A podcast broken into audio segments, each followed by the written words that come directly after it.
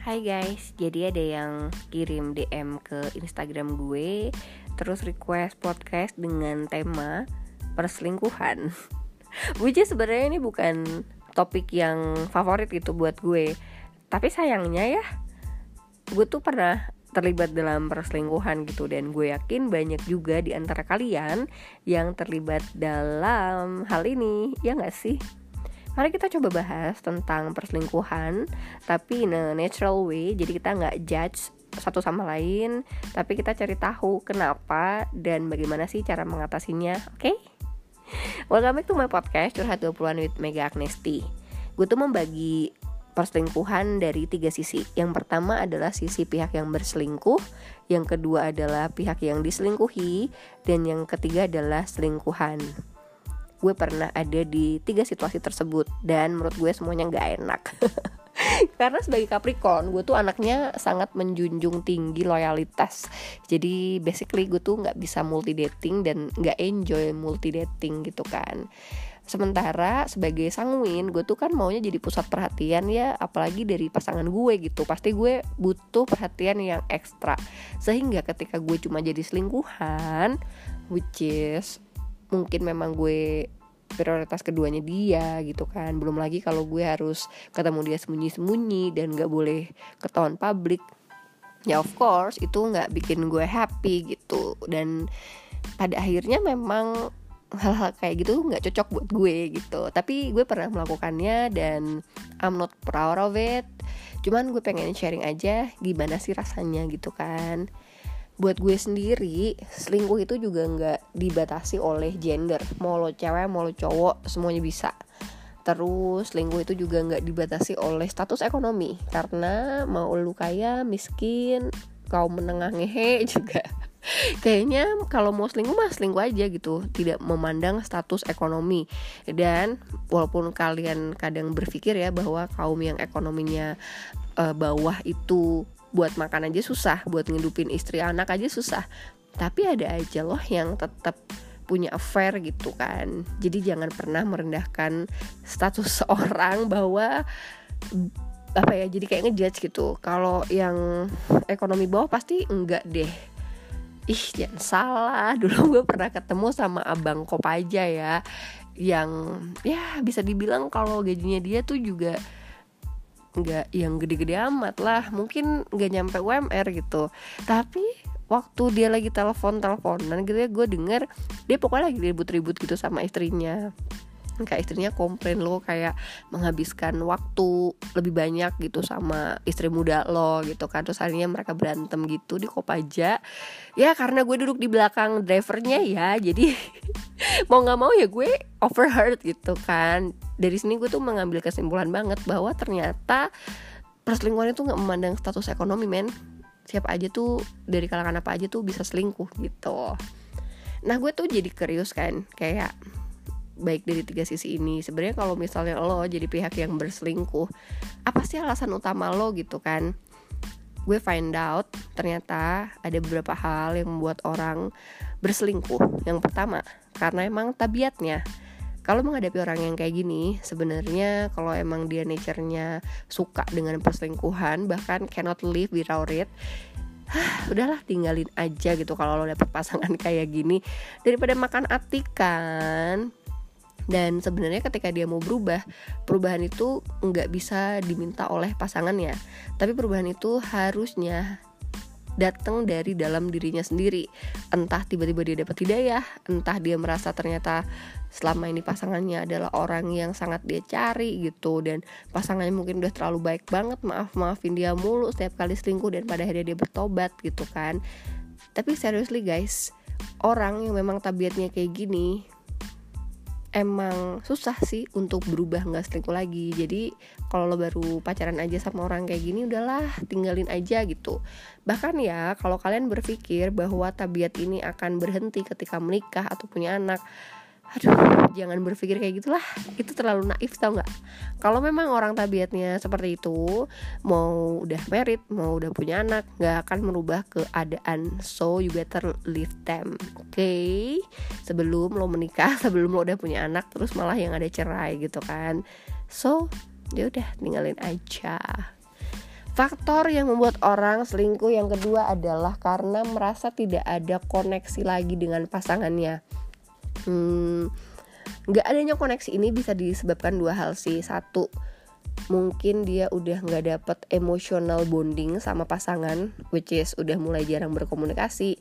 Komunikasi cuma formalitas ketemu di rumah juga jarang quality time juga nggak ada gitu. Sehingga pada akhirnya kehilangan deh itu yang namanya spark atau chemistry. Dan hal inilah yang pada akhirnya membuat seseorang mencari kesenangan di luar Nah, alasan yang kedua, apa yang bikin lo kehilangan connection sama pasangan?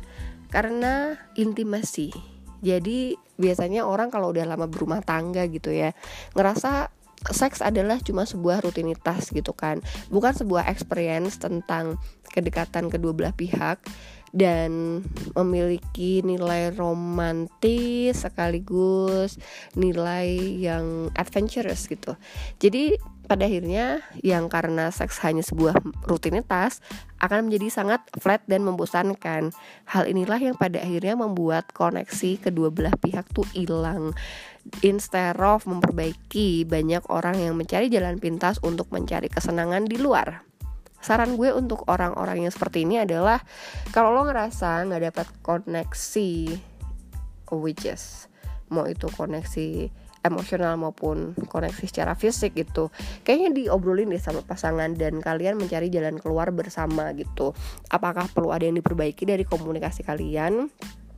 Atau misalnya ketika kalian bosan dengan rutinitas seksual itu coba cari tempat baru coba cari experience baru coba ekspor gaya-gaya baru gitu kan. Nah kadang kalau udah punya anak semuanya kan berubah ya guys. Inilah yang harus um, colongan nyari gimana caranya punya quality time berdua? Atau misalnya kalian emang udah selalu punya agenda untuk annual holiday berdua gitu. Karena banyak sih temen gue yang curhat semenjak punya anak semuanya emang berubah.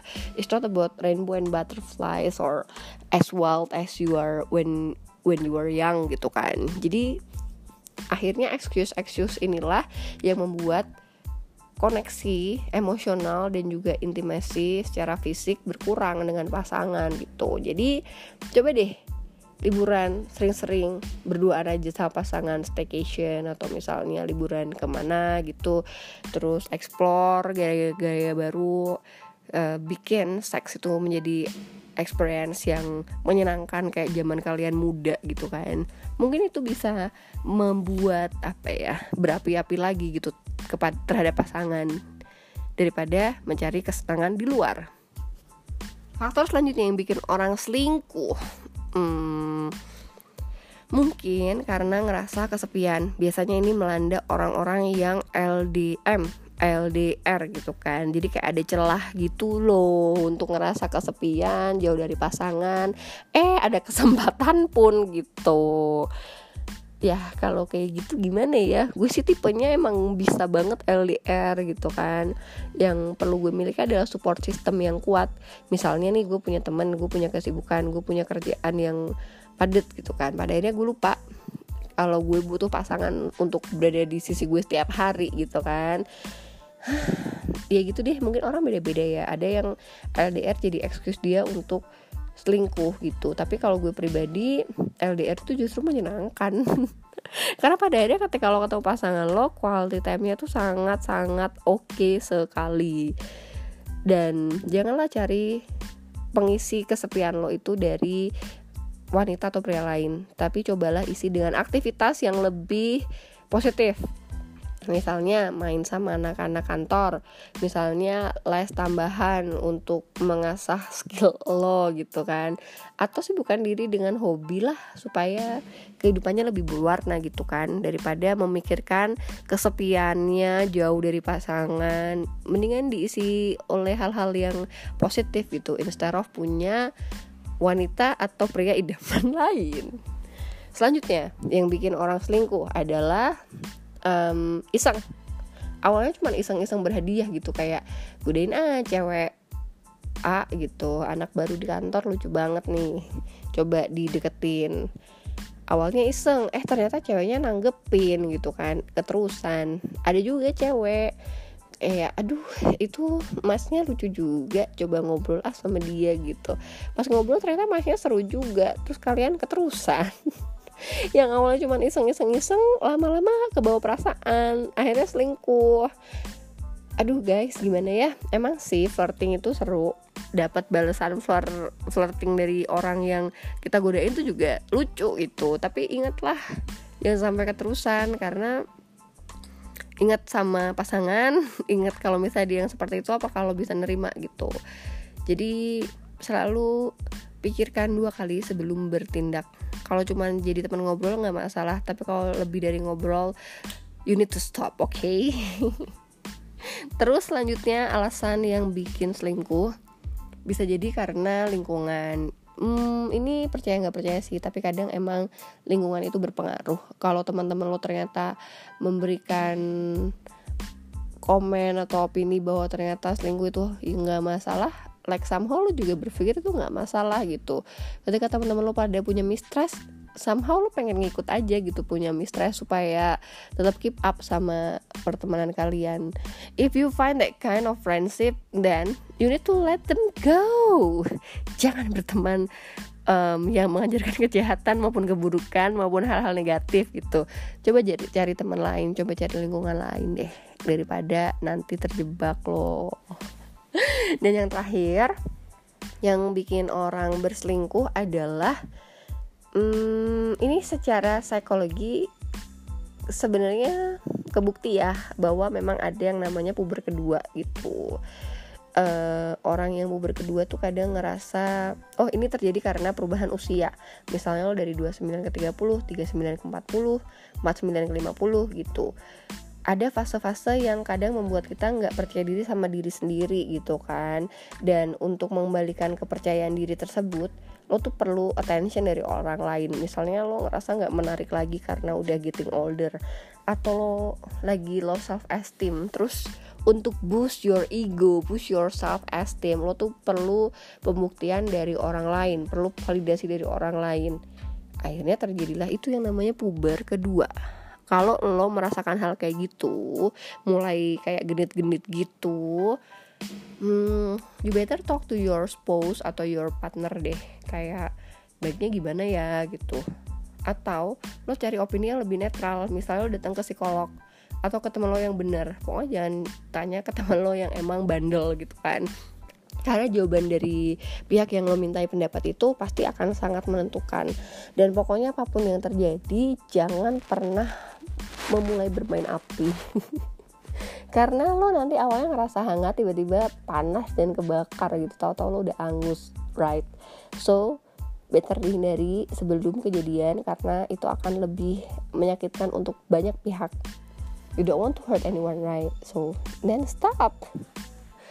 Nah kalau yang kedua adalah sebagai pihak yang diselingkuhi. Tentu saja pihak yang diselingkuhi adalah pihak yang paling gak enak ketika lo tahu pasangan lo selingkuh pasti banyak rasa marah sedih kecewa marah lagi sedih lagi kecewa lagi gitu. Yang perlu lo lakukan adalah mm, memanage emosi ya. Gue nggak bilang menahan tapi memanage emosi gitu. Tumpahkan segala macam kekesalan lo ke pasangan lo lo boleh nangis jadi jadinya tapi cobalah selesaikan masalah ini dengan dewasa lo langsung kasih aja pilihan ke pasangan lo. Jadi lo milih dia atau milih gue gitu. Kalau dia pasangan lo masih milih selingkuhannya let them go. Set them free. It's their loss not yours. Jadi udahlah relain aja gitu. Gimana ya guys? Gue tuh karena udah sering kehilangan banyak hal dalam hidup gue termasuk gue juga udah sering beberapa kali diselingkuhi gitu ya intinya tuh gue ngerasa kita sebagai manusia lahir sendiri mati sendiri gitu kan. Um, dan apa pun yang ada di dunia ini tuh nggak abadi. Mau itu teman kita keluarga kita pasangan kita harta kita semuanya tuh nggak ada yang abadi gitu. Jadi anytime mereka diambil dari kita oleh Tuhan ya kita harus belajar yang namanya ikhlas gitu kan relain. Nah itulah yang gue pelajari selama berusia 20-an tahun. Tapi dari remaja sih. Jadi I let everything go. Dan ketika gue bisa menerima hal itu somehow everything make sense gitu bahwa oke okay, kalau emang kejadiannya kayak gini memang dia bukan yang terbaik buat gue kali gitu kan. Jadi ya udah gue mencoba manage emosi gue. Sedih iya beberapa hari pasti gue akan sedih. Kalau misalnya gue marah dan kecewa gue mendingan gue lampiasinnya ke pasangan gue. Nggak usah sampai ke orang lain karena ya waste my time waste my energy buat apa gitu. Dan memang mungkin tujuannya orang tersebut untuk merusak happiness gue merusak emosi gue gitu kan. Jadi udahlah mau betray lo gitu kan. Udahlah let them go aja kalau emang si pasangan lo lebih milih selingkuhannya gitu kan. Nah kalau misalnya um, dia masih milih lo, dia masih minta maaf, dia masih respect lo. Oke, okay, you need to take your time untuk memikirkan semuanya. Apakah emang ini yang lo inginkan? Apakah emang dia bisa berubah? Apakah kesalahannya bearable gitu kan? Jadi lo harus cari waktu dulu untuk berpikir jernih sebelum mengiyakan ajakan balikannya dia gitu kan atau permintaan maafnya dia take your time untuk berpikir jernih dulu aja. Nah kalau setelah beberapa saat dia masih nyariin lo dia masih pengen balikan sama lo dia masih merasa bersalah dan lo masih secinta itu sama dia mungkin kalian bisa berusaha bersama untuk memperbaiki hubungan. Ya kan? Tapi kalau misalnya selama waktu itu lo masih belum bisa memaafkan dia take another time lagi untuk berpikir lebih jernih lagi. Apakah memang hubungan ini bisa diperbaiki atau enggak gitu. Dan kalau pada akhirnya lo membiarkan dia masuk lagi ke kehidupan lo lo harus benar-benar membahas mendiskusikan kenapa ini bisa terjadi apa yang harus gue perbuat dan kita berdua perbuat supaya kejadian ini nggak berulang lagi. Dan jangan pernah membahas permasalahan itu lagi dalam hubungan kalian ke depan karena itu akan lebih sehat ketika lo bisa memaafkan kesalahan pasangan lo dan move forward jangan pernah membahas kesalahan tersebut pada pertengkaran-pertengkaran selanjutnya gitu oke okay? nah kalau pada akhirnya kalian memilih untuk meninggalkan pasangan kalian cara balas dendam yang paling bener adalah being a happy person karena ketika lo berubah menjadi orang yang lebih baik baik secara fisik maupun secara attitude maupun pemikiran gitu ya dan lo memang memperlihatkan bahwa you deserve better than them gitu orang yang nyelingkuhin lo ya tampilkan aja lo adalah oke okay, memang hal itu betray gue tapi gue bisa berdiri lagi, bangkit lagi, bahkan jadi orang yang lebih baik gitu kan. Nah, suatu saat pas dia ngelihat lo, pasti dia akan berpikir, oh my god ternyata orang yang pernah gue selingkuhin jadi lebih baik ya.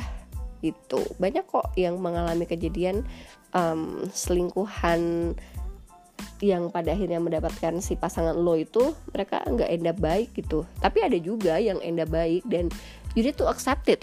Ya karena itu tadi ya ilmunya adalah ilmu rela dan ikhlas bahwa memang tuh cowok atau tuh cewek bukan buat lo dan dia sama pasangannya sekarang emang deserve each other gitu. Dan lo percaya aja bahwa lo akan mendapatkan orang yang lebih baik lagi.